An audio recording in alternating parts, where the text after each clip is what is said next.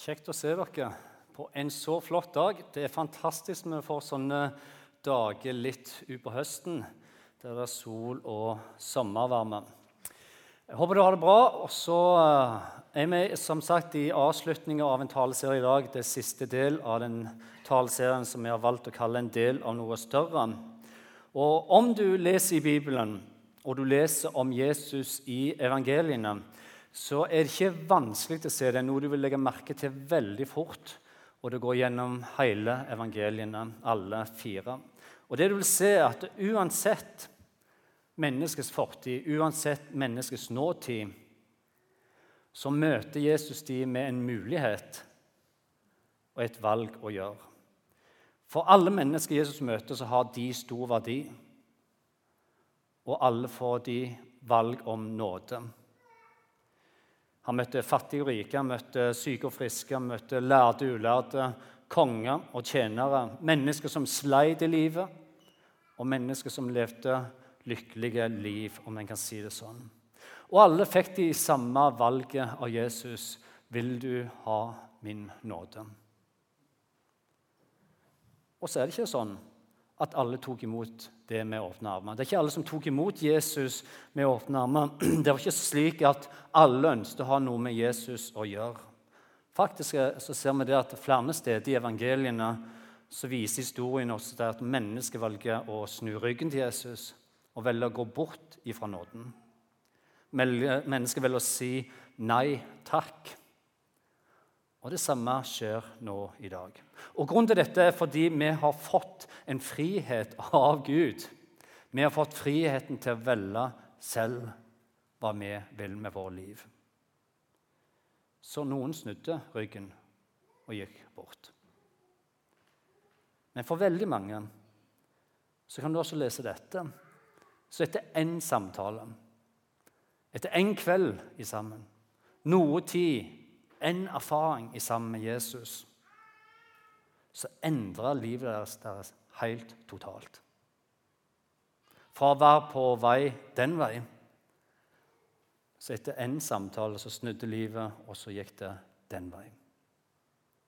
Ja, Noen steder så står det faktisk det at folk ble så møtt, forvandla, at de løp hjem de løp inn i byen og så ropte de ut Kan det være at jeg har fått truffet han som vi venter på.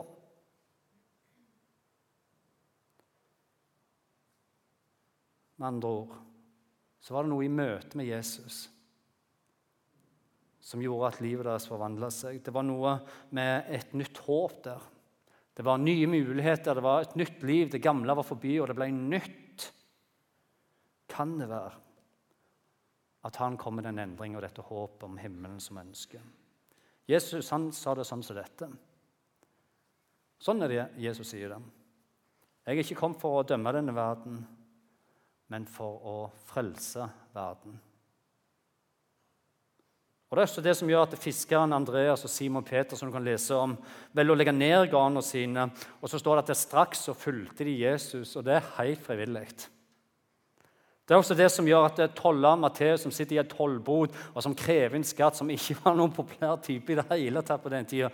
Men når Jesus kommer opp til tollbodet, så er det det som gjør at eh, Matteus lukker skattebok for siste gang, lar henne ligge på bordet, reiser seg opp og forlater jobben for å følge Jesus. Og det er helt frivillig. Det er også det som gjør at denne dama, Maria Magdalena, valgte å forlate det livet hun hadde før tidligere prostituert. 'Jesus, kan du bruke meg?' Jeg er villig, men kan du bruke meg? En enkel fisker, kan du bruke meg? En forhatta toller. Jesus, ønsker du virkelig å bruke meg? Jeg er tidligere prostituert. Virkelig. Kan du bruke meg? Og Responsen fra Jesus var klar og tydelig. Du, jeg har ikke kommet for å dømme verden. Jeg har kommet for å frelse verden. Hvis du ønsker, så har du frihet til å velge. Det er din egen fri vilje. Ønsker du å følge meg, ønsker du å stå i tjeneste, ønsker du å gi ditt liv for meg, så er det din frie vilje. Det må være sånn. Det må være helt frivillig. Du ser at selve ordet 'frivillig' er i grunnen satt sammen av to ord. Der det første er 'fri', som betyr at du har fått del i en frihet. Det første ordet er 'fri'. Du har fått del i en frihet. Og det andre ordet er 'villig', som handler om når du har fått tak i den friheten, så pga. at du har fått en frihet, så kan du villig gi deg til dette som er større enn deg sjøl. Fri villig fri og villig. I Bibelen 1. Korinterbrev 13, 13 så skriver apostelen Paulus det sånn så dette, og nå har jeg gått etter, for det står, Paulus skriver dette, Så blir de stående disse tre, da, sier han. Tro nummer én. Håp nummer to. Men størst av den, står det, nummer tre, er kjærligheten. Han snakker om tro, han snakker om håp, og så han, skriver han til slutt men størst av dem er kjærligheten. Men hvorfor er kjærligheten størst? Hva med tro, og hva med håp? Hvorfor, er det sånn at kjærligheten er størst? Jo, det er sånn fordi av disse tre så er det kun kjærligheten som kommer til å vare evig. Troa er blitt gitt til deg og meg som en gave mens du er her på jorda. Gud ga deg en gave, og det heter tro. Og Hvorfor fikk du troen som du skulle ha på jorda? Jo, fordi at den troen skulle hjelpe deg til sann kjærlighet. Hvorfor har du håp? Ja, det Håpet det varer kun mens du er her på jorda. Hvorfor har du fått håp? For at du skal klare å håpe og holde kjærligheten ved like. Håpet er gitt deg for at du skal holde kjærlighet sentralt i sentrum av livet ditt. Så tro og håp det varer mens du er her på jorda, men størst av de er kjærligheten fordi den varer evig. Troen og håp er gitt pga. kjærligheten. Guds kjærlighet. Du ser det at I himmelen så vil det ikke være behov for troende lenger. I himmelen vil det ikke være behov for håp lenger, men du vil være omslutta totalt av Guds kjærlighet. Størst av dem er kjærlighet. Det er også denne kjærligheten som driver Jesus, og som drev Jesus til å forsake og forplikte seg til korset. Denne kjærligheten her. Største av denne kjærligheten det var den som Jesus valgte. Det var derfor han gjorde, det var derfor han forsakte, det var derfor han forplikta seg til å gå til korset. Hebrevet 12 skriver sånn som dette. Hvorfor gjorde Jesus dette? For å få den gleden han hadde i vente, Jesus. For å få den gleden han hadde i vente, så holdt han ut på korset uten å bry seg om skammen. Og nå har han satt seg ved høyre side av Gud, Guds trone. Jesus hadde ett mål for øye. Han levde livet for å fullføre det målet. Kjærligheten den drev han til å forsake og forplikte seg til dette målet. Mitt mål er at jeg elsker deg, og at du skal få komme hjem. Derfor driver kjærligheten deg inn i skammen, inn i skylden, inn i synden og jeg forsaker, og jeg forplikter meg for det målet mitt. Du er mitt mål. Her for et par måneder siden, mens vi var på ferie eh, på Bryne Eller ferie, det var en liten helg der. Eh, og mens jeg var da på, fra Bryne til Lyngdal, så plutselig så begynner bilen mest med en gang jeg starta fra Bryne og kjører opp litt på Høyeren der, så begynner bilen å lage en veldig høy lyd. og Det skraper i bilen, og det er liksom sånn litt ubehagelig lyd. og den blir bare høyere og høyere. Og Det er ikke det at jeg kan så veldig mye om biler, for det kan jeg faktisk ingenting om. Men når jeg hørte den lyden, så forsto jeg her trenger du ikke være rakettforsker for å forstå at her er det noe galt. Sant? Så jeg tok opp telefonen, og hvem ringer jeg når bilen lager lyder som ikke skal være det? Da ringer jeg til Vegard Tellefsen. For det er min hjelp. Han har peiling. Og når Vegard Tellefsen tok telefonen, så gikk det ca. tre sekunder. For han hørte lyden gjennom telefonen, så spurte han hvor er du henne nå. Nei, jeg er oppe på Høgjern på vei hjem. Oi. Du må komme så fort som du bare klarer ned til verkstedet, for det er noe som er galt. Men vet du hva jeg tenkte når jeg hørte Vegard si det? Så tenkte jeg nei, det gjør jeg bare ikke.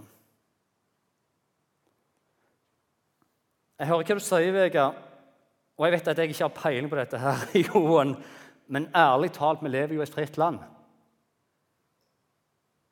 Dette her kan jeg jo bestemme sjøl. Ikke sant? Så jeg tenkte det var på tide å være litt fri og gjøre som jeg vil. Litt skraplyder her og litt dunking der. So what? Om ekspertene sier at det kommer til å gå galt hvis du ikke fortsetter den veien der Vi lever i et fritt land. Vi kan jo ikke være fullstendig festbrent heller. Eller som i januar her, når jeg fikk en faktura når jeg skulle betale NRK-lisensen. Vet du hva jeg fant ut? Jeg fant ut det at i grunnen så ser jeg ikke så mye på NRK. Så jeg tenkte at jeg betaler bare litt. Min del. Det må jo være greit. Så jeg betalte bare litt under halv pris. Jeg mener, Vi lever tross alt i fritt land. Det er jo demokrati, dette her. Der jeg kan finne friheten til å bestemme hva jeg sjøl vil. Så jeg tenkte det var på tide å være litt fri. Jeg Jeg tenkte at jeg gjør som jeg vil, uansett hva andre sier. Så dette her må de forstå. NRK forstår jo det, gjør ikke det? De kan jo ikke være helt festbrent eller eller lykkedreper eller Hva tenker du? Ingen kommentar? Bare så sagt før jeg går videre, jeg eh, kjørte rett til verkstedet og jeg betalte NRK-lisensen. Men det enkle poenget mitt er dette her. At uansett hva Jim kaller frihet, uansett hva du kaller for frihet, så uansett hva vi definerer frihet til være, så fins det noe rammeverk i naturen, med oss som mennesker, det fysiske og psykiske og det åndelige. Rammeverk som er sånn at hvis du går utenfor de rammeverkene, så kommer det til å skade deg en dag der framme, om du vil det eller ikke. Ja, jeg kan fritt velge å ikke betale NRK-lisensen. Men tro meg, det kommer tilbake om jeg vil eller ikke. Jeg kan fritt velge å ikke kjøre på verkstedet og ta en tur til over heia med skrapelig bil. Men tro meg, det ender ikke godt. Det går galt. Fordi det, fordi det vi sjøl bestemmer seg i vår frihet, det har rammeverk. Det har ordninger som en dag vil møte oss der framme om vi vil det eller ikke. Spørsmålet er mer hvilken frihet velger du?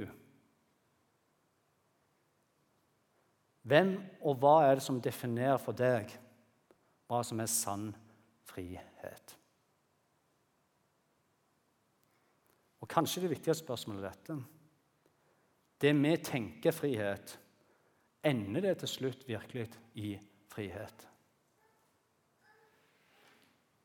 Apostelen Paulus ville skrive det sånn som dette. her. Han, så skriver han fordi vi kjenner ærefrykt for Herren, så prøver vi å overbevise mennesket. Og ærefrykt, var det Jo, det betyr en dyp og ærbødig respekt. Ærefrykt for Herren. En dyp og ærbødig respekt for noe som er større enn oss sjøl. Så vi forstår at her er det noe som er så stort og mektig at her bør vi lytte. En dyp ærbødig respekt, eller en beundring av Gud, betyr det òg, ærefrykt. Fordi en har grepet og forstått noe av hva det vil si å ha denne type relasjon. Det er det Paulus skriver om. Og Så fortsetter Paulus å skrive om dette. For Kristi kjærlighet tvinger oss. Vi vet at en døde for alle, og derfor må alle dø. Og han døde for alle og for de som lever. Ikke lenger skal leve for seg sjøl, skriver han. Hva er det Paulus skriver her? Jo, Jesus døde for alle, slik at alle som tok imot ham, ikke lenger skal leve for seg sjøl. Men for Han som døde og sto opp for deg. Og det Paulus beskriver, er at det fins en fylde og det en kjærlighet som er sånn at vi klarer ikke å forholde oss passive.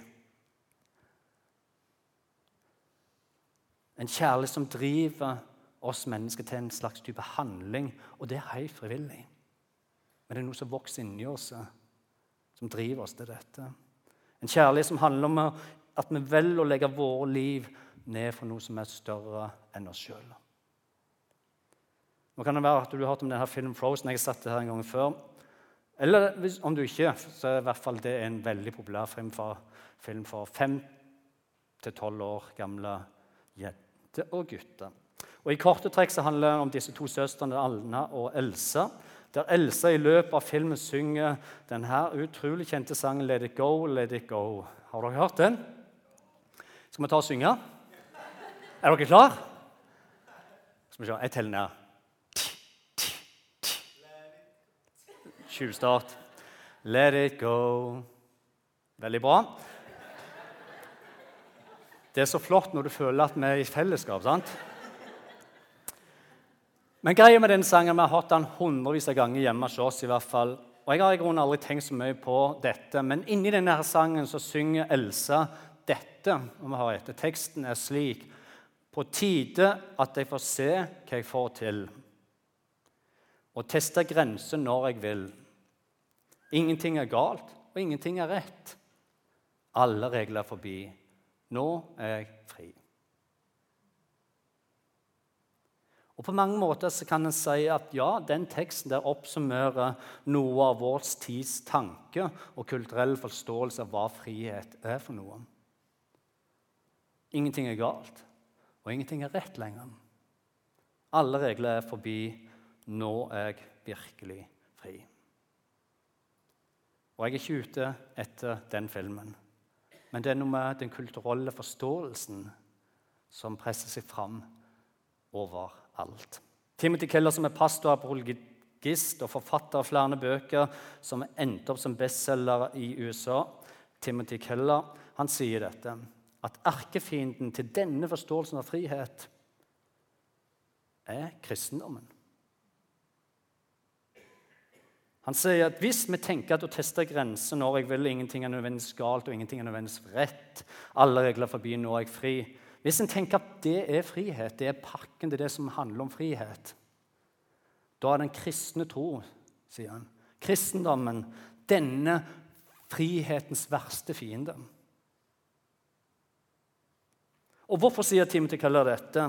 Jo, fordi denne forståelsen av frihet ikke bare skader oss sjøl etter tid, men han skader også de menneskene vi har rundt oss over tid.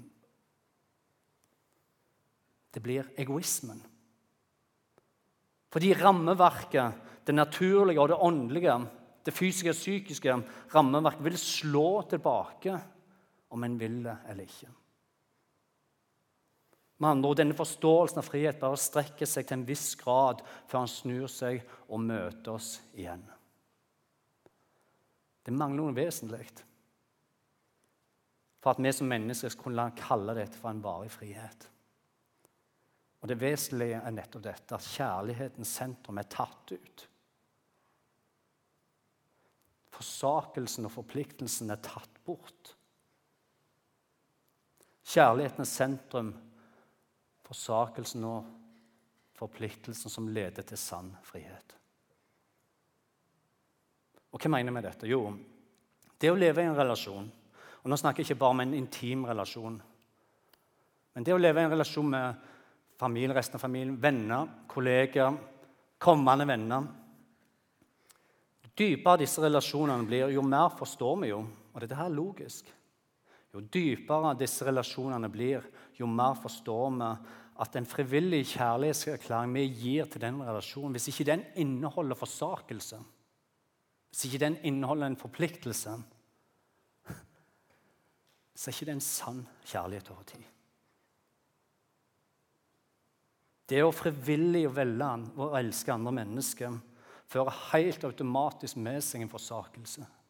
Og det fører med seg en forpliktelse. Noe som igjen betyr at virkelig varig frihet finner du ikke uten at du frivillig velger, helt frivillig, velger å gi deg og forsake. Forplikte deg til noe som er større enn deg sjøl. 2. Korinterbrev 9,7 så står dette. Enhver skal gi den bestemt seg i sitt hjerte, ikke med ulyst eller med tvang, for Gud elsker en glad giver. Og Poenget er at alt vi har og er, er i utgangspunktet gitt til oss. Vi skapte ikke tida. Og vi snakker ikke bare penger her. det er ikke det. Vi skapte ikke tid, men vi fikk tid. Vi skapte heller ikke livet, vi fikk livet. Vi skapte ikke de vi har rundt oss. Vi fikk de. En gave. Men vi ble skapt av Gud for å være der vi er, og for å gi videre av det vi har fått del i. Hvilken frihet ønsker du å ha der du er? Hva som former din frihet? Per Arne Dahl, som er forfatter som skrev mange mange flotte bøker, han skriver dette sånn som dette. Forfallet Sånn er livet, skriver Per Anna. Forfallet det kommer av seg sjøl. Det gode, det du virkelig ønsker i livet, må du velge å jobbe med. Livet er for kort til ikke handle, skriver han videre. Livet er for dyrebart til å la humla suse. Tida flyr av gårde. For det eneste som går helt av seg sjøl, er forfallet. Friheten vi velger, har alltid et rammeverk. Det er rammer som er satt for å beskytte oss til beste for vårt liv. Det som kanskje så og hørtes så fritt ut, vil en dag der framme, om vi vil eller ikke. Og tro meg, jeg har vært der. Jeg vet hva jeg snakker om. Men det vil en dag der framme møte oss og komme tilbake til oss. Det kan være som en fartssump, eller det kan være lys. Spørsmålet er det rødt lys som står og blinker. Dårlig valg. Eller er det grønt lys som står og blinker. Bra valgt. Livet er for dyrebart til å la humla suse av gårde. Du ser at Alt kristent arbeid drives av frivillighet. Alt kristent arbeid. Det, og det handler om frivillighetstjenester, det handler om frivillige gaver. Og det leder oss i rundt til at det fins tre måter å være kristen på. Og denne her, den tenker nok at noen vil tenke Oi, skal du kategorisere oss òg nå? Men følg med og heng med. Tre måter det finnes å være kristen på. Det er de nummer én motvillige. Nummer to de uvillige. Og nummer tre de frivillige. Det er ikke dermed sagt at hver gang du sier nei til noe, så er du motvillig eller uvillig. Nei, det kan handle om at noen ganger er du faktisk nødt til å si nei. Det kan være ting i livet som står på. Det kan være at du har små barn krelende overalt. og Det kan være ganske heavy, altså. I've been there. Done that. Eller det kan være at livet overrasker oss. Det kan være nå er jeg så sliten og trøtt. Nei, du, du, er ikke motvillig, du er ikke uvillig. Noen ganger må du si nei til noe for å si ja til noe annet. sant? Det er rett, og det er bra. Jesus han sier sjøl sist dette. Men om noen vil følge etter meg, så må han fornekte seg sjøl. Han må ta opp sitt kors, og han må følge meg. For den som vil berge sitt liv, skal miste det. Seg. Men den som mister sitt liv for min skyld, hva skal han gjøre? Han skal finne det. For hva gagner det et menneske om det vinner hele verden, men taper sin sjel? Og, og, og det det handler om, er vår sjel og ikke tape vår sjel. Når Jesus snakker om å fornekte seg sjøl, handler ikke det om å fornekte Guds gode gave til denne verden. Det handler ikke om å ikke være lykkelige. Det er ikke det det handler om. Det handler om ikke å ha det gøy og synes at livet er fantastisk. Det er ikke det Jesus snakker om. Men det Jesus snakker om, er at det er nødvendig å si nei til noe for å kunne si ja til noe annet. Det er sånn rammeverket for vår liv er. Jesus kom ikke for å ta bort noe av ødelegge livet vårt. Men han kom for å ta bort det som har potensial til å ødelegge vårt liv. I Bibelen beskriver apostelen Paulus livet vårt som et løp. Det er et livsløp, og det går i oppoverbakker. Og dette går i nedoverbakker. Du som lever, vet dette. Det er et livsløp, men, det, men med et løp uansett hvordan det livet ser ut. Det er et løp med en start, og så er det et løp med et mål ei måling. Det Paulus beskriver, hver av en av oss har et sånt type livsløp å løpe. Men i det så finnes det også et oppdrag og det er en jobb å gjøre. Liksom. Det er noe som Gud ønsker. Og En stor del av dette oppdraget handler om den neste generasjonen som kommer etter oss. De neste generasjonene. For om ikke meg Hvem da? Skal være med å påvirke, legge til rette, hjelpe osv. For om ikke du, hvem, tenker vi skal være der for de neste generasjonene? Det å være en del av frivilligheten, det å gi seg til tjeneste i frivillighet, er i grunnen fantastisk mulighet for den enkelte av oss eh, å gi noe tilbake. For å vokse sammen, bety en forskjell. Løpe løpet sammen med andre og et fellesskap på noe som er større enn oss sjøl.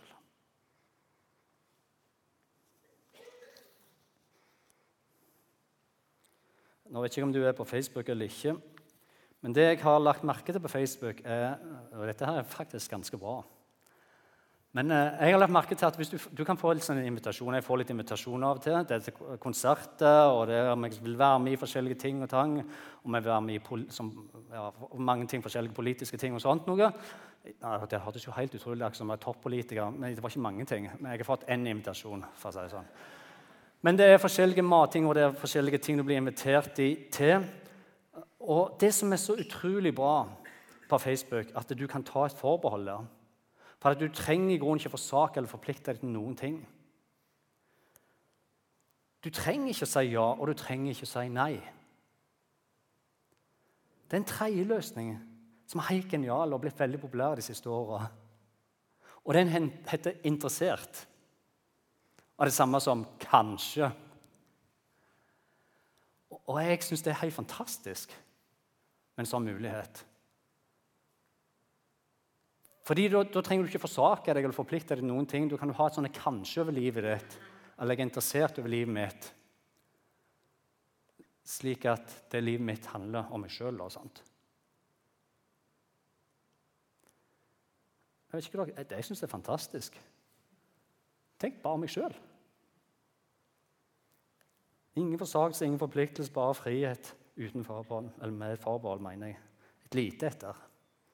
Når Lena og meg valgte å gifte oss, så husker jeg det en dag i dag Fint bilde?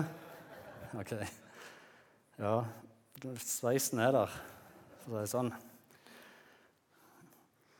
Men det var hjertebank, liksom. Og det var skjelving. Jeg, var, veldig nervøs. Jeg sto før kirka en time før jeg skulle liksom inn der, og jeg sto og holdt meg i jernstang. Så nervøs var jeg at han forlova måtte gå og ta hendene mine så han knekka de opp og ta meg med inn. Jeg var veldig nervøs. Men alt sammen så miksa de sammen ned til at vi sto foran alteret der. Og pastoren som via oss den dagen, han kalte oss fram til han, så spurte han dette spørsmålet her, som dere kanskje har hørt. Jim, vil du ha Lena Åkerlund som står ved din side til din hustru? Vil du elske og ærende? Og så videre og videre. Og mens han snakket, så tenkte jeg hvorfor spør du i grunnen meg først?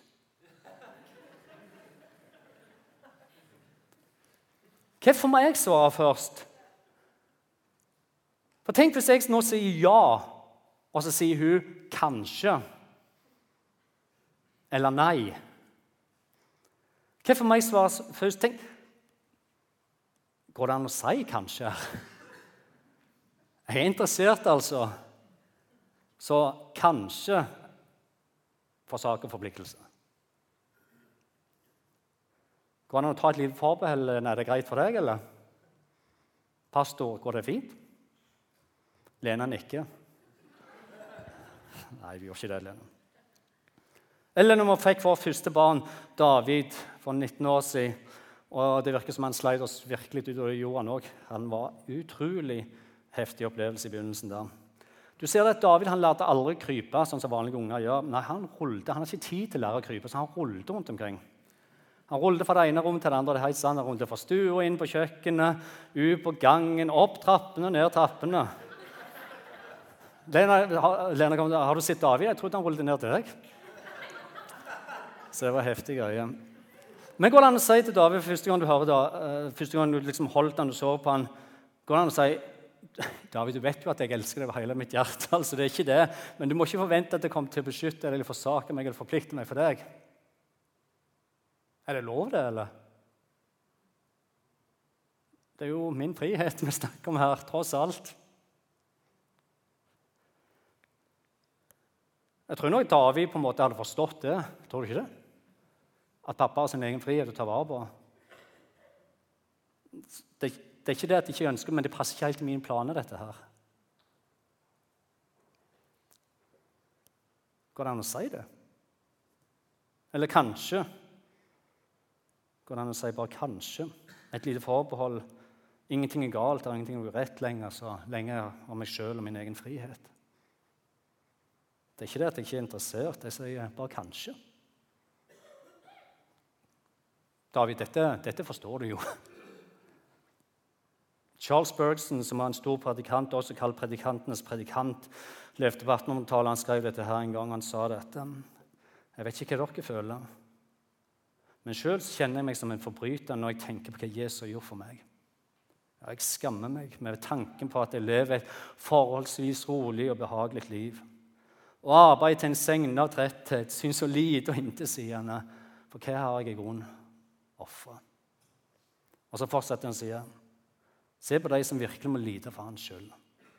Se på de som ofrer sitt liv på misjonsmarken, eller som må gå gjennom prøvelser, forfølgelse og fattigdom for Kristi skyld. Brødre, vi må misunne dem. De har noe mer enn oss andre. Det ydmyker meg å tenke på at jeg har alt som kan gjøre liv behagelig, når Jesus nekter seg alt godt. Når Jesus snakker om de siste tider og hvordan det skal være de siste tider, så sier han dette. At fordi lovløsheten skal ta overhånd, skal kjærligheten bli kald hos de fleste. For hvem er vel du, Gud, til å si hva som er sann kjærlighet. Hvem er du til å si hva som er rett og galt for mitt liv? Og Det er ikke så uvanlig i dag at vi hører og leser i kommentarfeltet eller overalt. Mørkemann, forelder, eventyrfiguren, gått ut på dato, festbrems Ja, dette passer ikke inn i 2019 tross alt livstyv, lykkedreper. Hvem er vel du, Gud? Jo, jeg er han som frivillig valgte å gi min eneste sønn for deg. Som elsker deg og døde for deg. Som elsker deg selv om du velger å ikke elske tilbake. Som vet at det ikke er alt som er lett å forstå men som ser at djevelen hver eneste dag hater deg og bare venter for å øyelagt deg. Knuse drømmene dine, ta barna ifra deg. Fange de til å tro at det fins en sånn frihet uten sann kjærlighet. Det fins mange tanker om hva sann frihet er. Spørsmålet er jo dette om å teste de grensene når jeg vil. Ingenting er galt, og ingenting er rett alle regler forbi, nå er jeg virkelig fri. Om det virkelig fører til den friheten som jeg ønsker, eller om framme der en dag kommer tomhet, ensomhet uten evig kjærlighet. Når jeg ser tilbake i mitt liv, da, så har jeg vært på hundrevis av møter og gudstjenester som dette. Jeg har hørt over 1000 taler. Jeg har vært på konferanser, jeg har truffet masse pastorer, blitt venn med mange pastorer, både inn- og utland. Og veldig, veldig mye bra med det. Men for meg så er det nok tre møter når jeg ser tilbake mitt liv. Tre møter med tre forskjellige mennesker som virkelig har endra mitt liv fra å gå den veien til å gå den veien. Og Det er ikke noe galt med gudstjenester, det skal vi ha. Det er ikke noe galt med å betale, det er veldig bra. Det er ikke noe galt med den type fellesskap. Det er superviktig. Men for meg så var det disse tre. Og den ene kvelden det var vi var ute med en gjeng med ungdommer fra Bryne. og Vi var på en kanotur. Og den ene voksenlederen i menigheten, Lars Ola Tveit, som ble ungdomspastoren, han plutselig satte seg ned med meg og spurte han, Jim, hvordan går det i grunnen med deg. Og jeg sa som jeg pleide, nei, det går fint. Nei, men seriøst, Jim. Hvordan har du det virkelig? Og det endte opp i en timelang samtale. Og etter den samtalen så endra livet mitt, mitt indre, min tanke og min forståelse av hvem Gud var, hadde endra seg på av en valgte å sette seg ned på siden av meg og spørre Hei, hvordan går det? Nummer én. Eller andre var når jeg hadde kjempa med tvil i mitt liv, og jeg hadde mye av det i de første åra. Det var mange ting jeg ikke forsto med Bibelen og sammenhengen. Jeg ble frelst som 17 år, men jeg hadde mange tøffe år i begynnelsen. Og jeg kjempa. Jeg satt hjemme. Orket ikke gå på gudstjeneste, skulle ikke gå på møte. Og plutselig så banker det på døra. Og den ene ungdomslederen som kommer hjem til meg, og så går han inn og så setter seg ned, og så bruker han kvelden i sammen med meg. Og så var det ikke bare den, men så kom han uka etterpå, så kom han uka etterpå, uka etterpå. Hver eneste gang så inviterte han meg med på gudstjenesten igjen. Men jeg var liksom fedd opp med det der. Men jeg så hva han. Han holdt ut å høre på disse heavy metal-platene mine. Jeg tenker i dag, Hvordan i alle dager holdt ut? Ja, Det forstår jeg nå. Fordi han hadde nød. Han hadde kjærlighet. Han ga seg frivillig dette her. 'Jesus, bruk meg.' Det handler ikke om meg. Hvem kan du sende meg til? Og det ble hjem. Og det endra livet mitt fra å gå den vei til å gå den vei. Og den tredje En kompis som jeg, Stig Hauland, het han. Og vi satt fire timer på en natt hjemme på Bryne. Og jeg var helt ute og kjørte. Slutta å gå på gudstjeneste eller fest. Eller sånn, og vært ute litt på byen her, og jeg sleit veldig med dette i begynnelsen av mitt kristenliv. Og Jeg husker jeg så det prata med henne, og jeg kjente en sånn kamp på innsida. Det var som jeg ble reven fram og tilbake. Den tegneseriefiguren som bare blir sånn doing, doing, doing. Sånn føltes ut på innsida av meg. Og Grunnen var jo at jeg forsto at her er det jo en kamp mellom onde og det gode. Og jeg forsto at disse kompisene mine de ba for meg hver eneste dag. Så jeg sa til Stig i bilen, 'Stig, kan du slutte å be for meg? Vær så snill.' Og svaret hans var 'aldri'.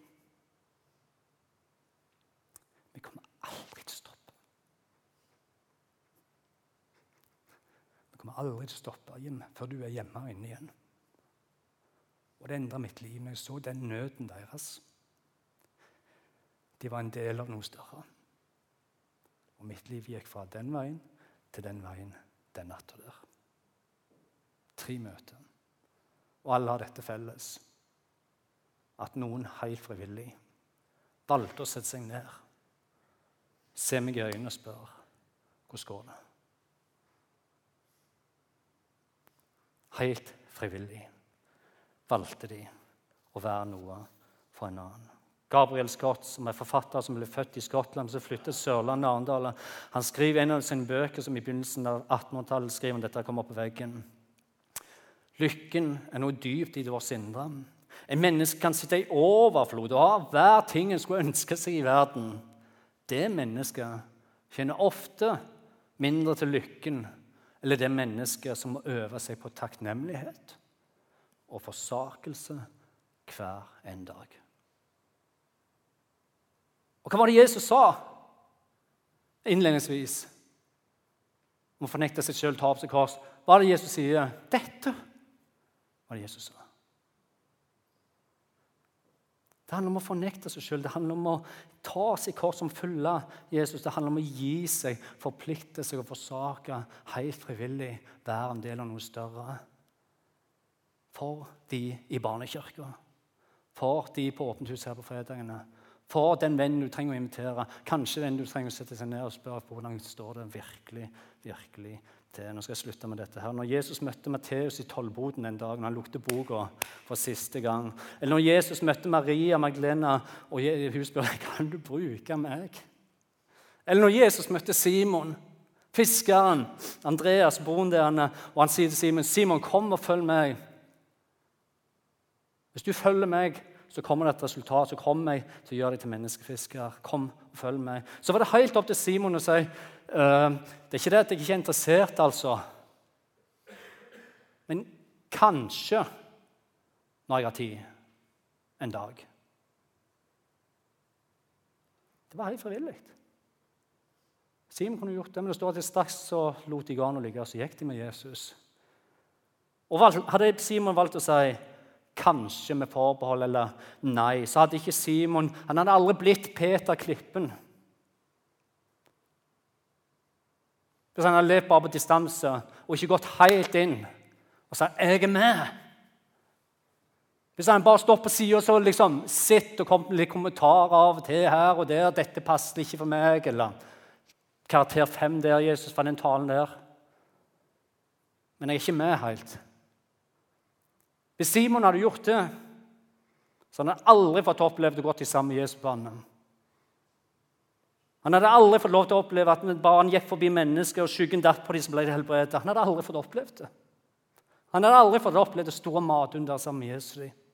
Han hadde aldri fått opplevd å se 3000 mennesker komme til tro første dagen han står fram og taler. Og han hadde aldri fått lov til å dø martyrdøden for Jesus. Og hvorfor gjorde han det? Jo, fordi Kristi kjærlighet inni ham dreiv han. Jeg kan ikke stoppe å fortelle om dette. Det er en til som trenger å møte Jesus. Det er en til som trenger å høre sannheten. Jeg klarer ikke å stille. Frivillig valgte han å legge ned sitt eget liv, ta opp seg kors og leve med Jesus som vi òg gjorde etter hvert etter mange prosesser som Jesus ble en den menneskefiskeren som Jesus hadde lovt han skulle være. Og nå vet jeg ikke hva du tenker om dette, her, men helt til slutt. Men Kristi kjærlighet er slik at om det var ett eneste menneske på denne jord, om du var det eneste mennesket som trengte hans kjærlighet og hans nåde, hans frelse, så hadde Jesus valgt å bøye seg ned forsake forplikte seg, kom til jord, levd og dødd på et kors i kjærlighet. Nå må du høre godt etter. Ikke fordi at han forventa Ikke fordi at han tvang deg, ikke fordi at det var noe krav om at du måtte si ja til han etterpå. Nei. Han hadde gjort det slik at du skulle få friheten og muligheten til faktisk få et valg. Til å si nei. Kanskje. Eller ja. Det er Kristi kjærlighet. Så høyt elsker han deg. Hei frivillig. Så du og jeg skal få lov til å leve i denne friheten. Ha vår frie vilje til å være frivillige. Leve for Han. Størst av dem er kjærligheten. Ja, det er sånn det. Guds kjærlighet. Amen.